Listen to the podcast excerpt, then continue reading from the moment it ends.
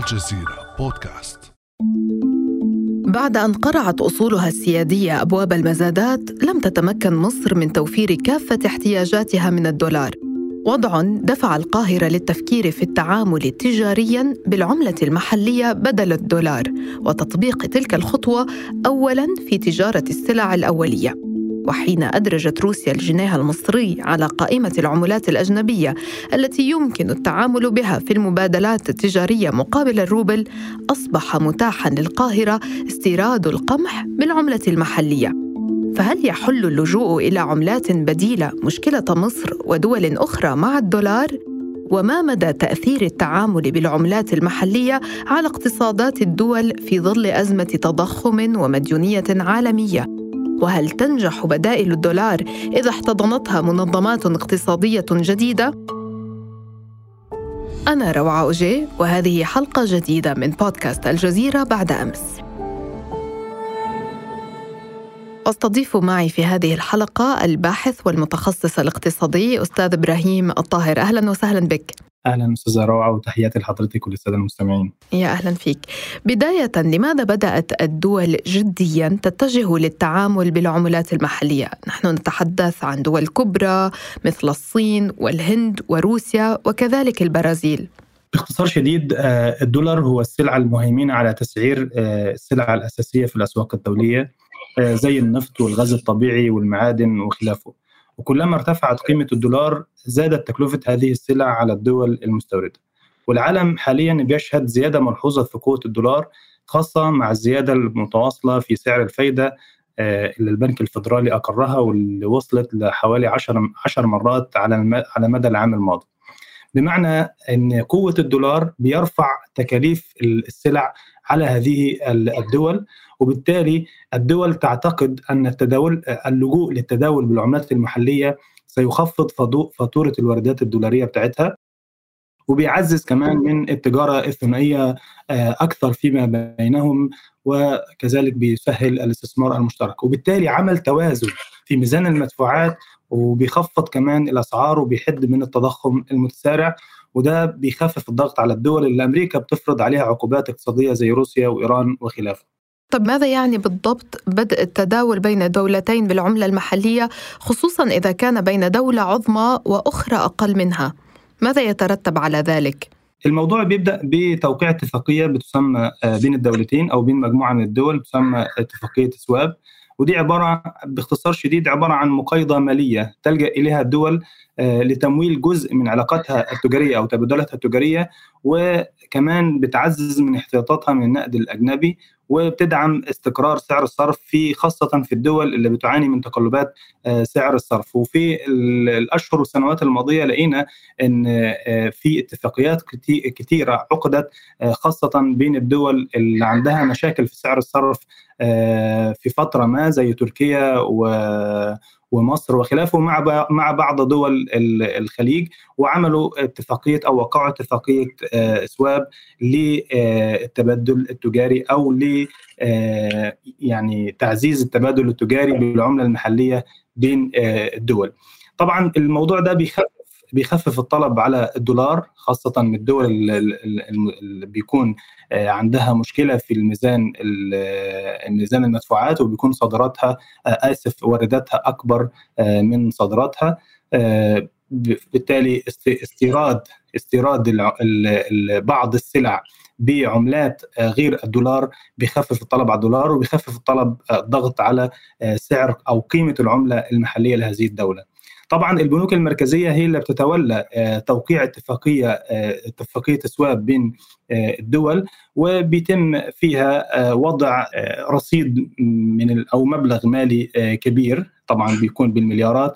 من العملة المحلية لهذه الدولة في البنك المركزي للعملة المحلية التي وقعت معها اتفاقية. والعكس تقوم الدولة الأخرى بوضع مبلغ مالي في البنك المركزي للدولة الأخرى. ويعني آه، عندما يحدث أي تعاملات تجارية بين الدولتين بيكون بالعملات المحلية. الكلام ده طبعا بيتم على مرحلتين مرحلة بين البنوك المركزية ومرحلة ثانية بين المؤسسات المالية المختلفة والشركات. وبالتالي أنا كتاجر أو كمستورد أو حتى كمصدر لما أجي أصدر للدولة لدولة معينة أو أستورد منها ما بحتاجش في الحالة ديت للدولار بستخدم العملة المحلية مع هذه الدولة. طب هل هذه الاتفاقيات السواب أو التبادل التجاري بالعملة المحلية بين الدول يساعد على تجاوز آه، العقوبات آه، الأمريكية تحديدا؟ يعني هناك ازدياد بعدد آه، الدول المعاقبة من قبل الولايات المتحدة والغرب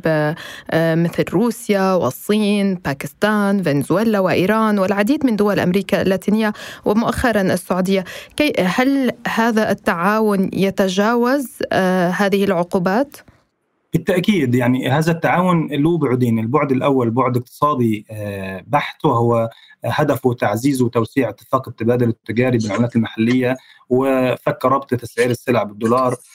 لكن أيضا له أهداف سياسية وهو آه، يعني الهروب أو يعني تقليل حدة العقوبات التي تفرضها الولايات المتحدة على بعض الدول زي ما شفنا مثلا وخاصة الدول الكبيرة يعني زي روسيا وإيران والدول اللي هي يعني هي دول مصدرة آه، للنفط والنفط هي سلعة مقومه بالدولار لها بعد معين في الخروج من هيمنة الدولار والهروب أيضا من العقوبات التي تفرضها آه، أمريكا على بعض الدول يعني زي ما شفنا مع إيران وروسيا فنزويلا وخلافه يعني وبالتالي هل يمكن فعليا الانفكاك من سلاسل الدولار هذه بين الدول التي تعتمد باحتياطها على الدولار الأمريكي والسلع الرئيسية آه، التي يتم تقييمها آه، أو تقويمها بالدولار الأمريكي؟ الحقيقة يعني محاولات كسر هيمنة الدولار هي مش وليدة اللحظة هي بقى لها سنوات كثيرة وبتقود آه هذه المحاولات الصين بطبيعة الحال باعتبارها آه ثاني أكبر اقتصاد على مستوى العالم. لكن الأرقام والإحصائيات حتى الآن تشير إن إن المسألة آه لا تزال ستأخذ وقتا كبيرا أيضا وفقا للأرقام والمؤشرات الدولية. يعني فكرة إزاحة أو كسر هيمنه الدولار أو إزاحة عرش الدولار عن عرش المعاملات أو التعاملات التجارية العالمية أظن ما زال مبكرا، ليه؟ لأن إحنا عندنا أكثر من 45% من إجمالي التجارة البينية بين دول العالم الآن بالدولار. الدولار الأمريكي الآن يسيطر على 60% من قيمة الاحتياطات النقدية لدى البنوك المركزية في العالم. أكثر من 70% من حجم الديون السيادية حول العالم مقومة بالدولار في حين اليورو بشكل منها حوالي 20% فقط والباقي موزع على باقي العملات الأخرى.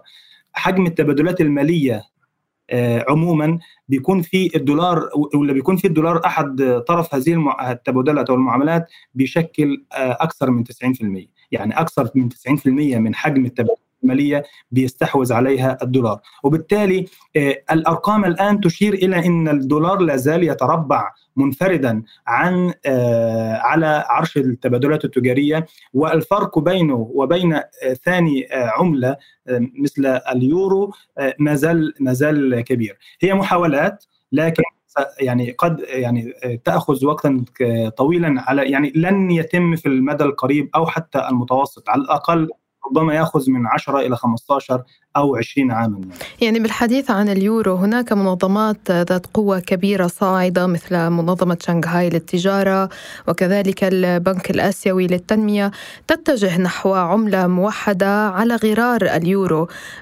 هل هناك تأثير متوقع لهكذا عملة أو صعود تدريجي كما يعيشه اليورو تدريجيا؟ بالتأكيد هيكون في تأثير لكن التأثير مش هيكون على المدى القصير والمدى المتوسط. يعني على سبيل المثال دول تحالف البريكس حاليا بتفكر في إنشاء عملة جديدة. آه، ليس إن يكون التبادل فقط آه، بالعملات المحلية لكن عايزه عايز التحالف بريكس يكون ينشئ عملة آه، جديدة تسهل التجارة الخارجية بين دول التحالف. وأظن في عندهم اجتماعهم السنوي أو القمة السنوية بتاعتهم هتكون في أغسطس المقبل في جنوب أفريقيا.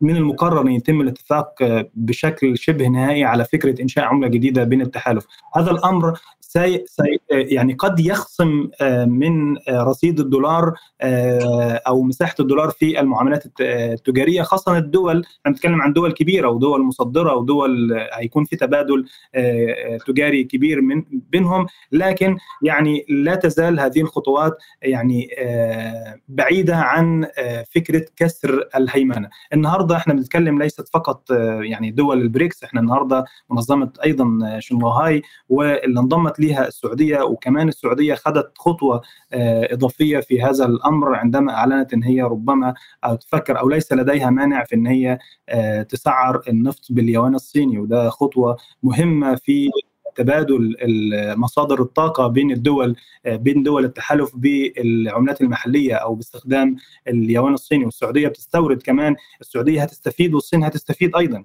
يعني الصين هي أكبر هي أكبر مستورد أو أكبر مشتري للنفط من السعودي. وأيضا السعودية بتستورد بضائع صينية بمليارات الدولارات وبالتالي يمكنها استخدام اليوان في عوائد النفط لتمويل مستوردات من السلع الصينية خلال الفترة المقبلة إذا تمت هذه الخطوة سيكون بالتأكيد سيكون هناك تأثير وتأثير واضح وملحوظ لكن هذا التأثير سيأخذ وقتا كبيرا لما يمكن أن يسمى كسر هيمنة الدولار على باعتباره متربعا الآن على عرش التعاملات أو التبادلات التجارية العالمية. من هنا نعود تحديدا إلى الحالة المصرية، وزير التموين المصري علي مصلحي صرح مؤخرا أن مصر تدرس جديا الموافقة على التعامل بعملات شركائها في تجارة السلع الأولية واعتماد العملة المحلية للدولة المصدرة مع العملة المصرية. برأيك لماذا في هذا التوقيت بالذات هناك تفكير في مصر في الاتجاه نحو العملات المحلية؟ مصر حاليا بتعاني من أزمة اقتصاديه خانقة بسبب نقص الدولار. ونقص الدولار أو شح الدولار يعمق هذه الأزمة ويزيدها سوءا يعني. وتفكير مصر في التعامل التجاري بعملات أخرى ولو بشكل جزئي هي مجرد محاولة لتخفيف الطلب على الدولار وليس لحل الأزمة الاقتصادية التي تعاني منها مصر. بمعنى إن هذه الخطوة نظريا خطوة جيدة الهدف منها الحد من أزمة نقص الدولار أو تعويض شح الدولار اللي بتعاني منها مصر لكن عمليا هل مصر الآن تستطيع الاستغناء كليا على الدولار؟ الإجابة بالتأكيد لا ليه؟ لأن معظم تعاملات مصر الآن مصر الآن بتستورد ما قيمته 100 مليار دولار سنويا من السلع واحتياجاتها من السلع الخارجية بالدولار. وفي حين إن صادراتها تقريبا حوالي 40 مليار دولار وبالتالي ما زال في فجوة كبيرة في ميزان المدفوعات بالنسبة للصادرات والايرادات لمصر. كمان في نقطة مهمة جدا نقطة تتعلق بمدى قدرة الحكومة المصرية أو النظام المصري على الصمود تجاه الضغوط الأمريكية عليه سواء فيما يتعلق ب يعني التخلي عن الدولار أو ما ما يتعلق بالتعاون مع دول. تفرض عليها عقوبات تفرض أمريكا عليها عقوبات زي روسيا وايران وبالتالي فكرة قدرة هنا قدرة مصر على الصمود تحت أو تجاه الضغوط الأمريكية هو اللي هيبين الخطوة ديت ممكن يكون لها تأثير إيجابي أم ستكون محدودة الأثر. الواقع الآن يقول إن إن إن هي يعني ستكون محدودة الأثر يعني يكاد يكون يعني لا, لا يعني تأثيرها لن يتجاوز الثلاثة أو الخمسة في المية من إجمالي معاملات مصر ده صحيح خطوة في الاتجاه الصحيح لكنها لن تحل أزمة مصر أو لن تستطيع مصر في الوقت الحالي عمليا الاستغناء كليا عن الدولار. طيب يعني بالنظر لكل هذه الأرقام التي ذكرتها على أي أساس أساسا ستقبل دول كبرى مثل الصين وروسيا والهند التبادل التجاري مع مصر بالعملة المحلية؟ في الحقيقة يعني على مستوى فكرة التبادل التجاري بالعملات المحلية الدول بتستفيد من بعضها. يعني يعني الصين هتستفيد والدول التي ستوقع معها عقد تبادل بالعملة المحلية ستستفيد أيضا. يعني الصين ستستفيد بأن مساحة اليوان الصيني في المعاملات في المعاملات المالية الدولية سيزيد أو سيرتفع نوعا ما. وبالتأكيد وبالطبيعه يعني بالأرقام والإحصائيات بتشير إن هو بالفعل مساحة اليوان في المعاملات المالية الدولية ازداد خلال الفترة الماضية واللي كان أقل من 1% في 2016 الآن في 2022 أظن وفقا لآخر إحصائيات تجاوز ربما يكون أو يقترب أو تجاوز من ال 3% وده مؤشر واضح على زيادة التعاملات المالية الدولية باليوان. لكن لا تزال النسبة محدودة مقارنة بالدولار. في فيما يتعلق بالحالة المصرية والصين والدول الكبرى مصر لا تزال يعني تشكل أهمية استراتيجية وأهمية اقتصادية، أهمية استراتيجية كموقع مصر السياسي والجغرافي والجيوسياسي بصفة عامة وكاهميه اقتصادية لأن مصر سوق كبير في منطقة الشرق الأوسط وشمال أفريقيا، إحنا بنتكلم على سوق من أكبر الأسواق الموجودة والصين شريك استراتيجي كمان لمصر. ف الصين محتاجة السوق المصري بشكل كبير ومش الصين بس الصين وكل الدول اللي عندها صادرات ممكن تستفيد من السوق المصري في هذا الأمر. إلى أين وصلت المشكلة الاقتصادية في مصر بعد إطلاق مرحلة عرض أصول سيادية في الدولة للبيع وكذلك مشروطية صندوق النقد الدولي الجديدة؟ الحقيقة أن مشكلة مصر الاقتصادية بتزداد سوءا يوما بعد يوم خاصة مع تراجع شهية المستثمرين الأجانب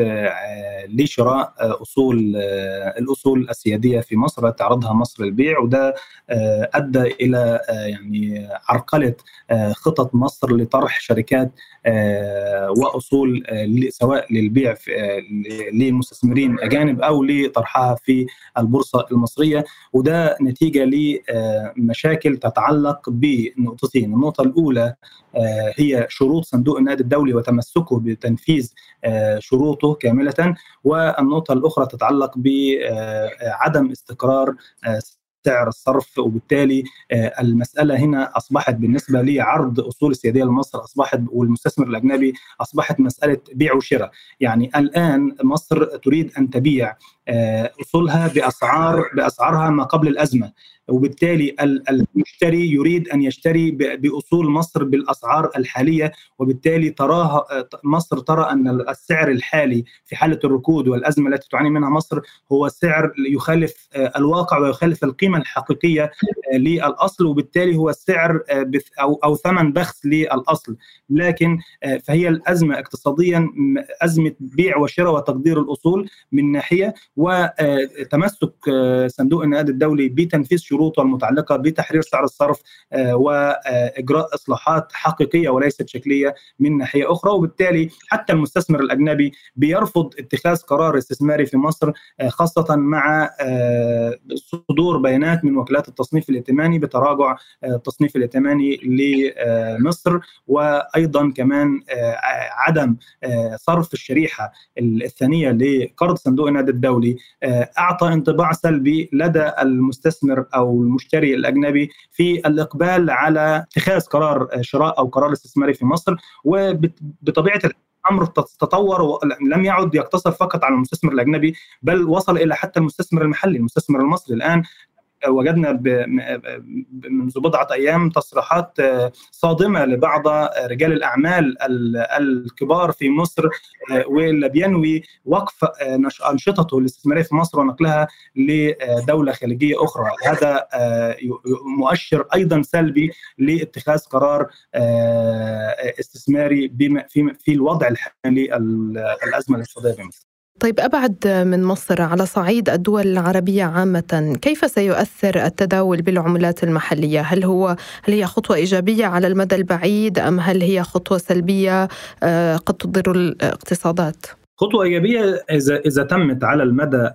الطويل وتم التهيئة واتخاذ قرارات بشأنها منذ الآن، أما إذا حدث انهيار مباشر أو سريع على المدى القصير للدولار فأظن هيكون مؤشر سلبي للدول العربية التي التي تربط عملتها بالدولار سواء بشكل مباشر مثل بعض دول الخليج أو بشكل غير مباشر حتى زي مصر وبعض الدول العربية الأخرى. وبالتالي على على هذه الدول العربية ومن ضمنها أيضا الدول الخليجية التي ترتبط ارتباط مباشر بالدولار عليها أن تضع خطة أو خطة للتنوع الاقتصادي وعمل سلة من العملات الأخرى غير الدولار رويدا رويدا حتى عندما يتم يعني نصل إلى مرحلة كسر هيمنة الدولار على المعاملات أو كسر الدولار أو إلغاء الدولار على الاقتصاد العالمي يكون الأمر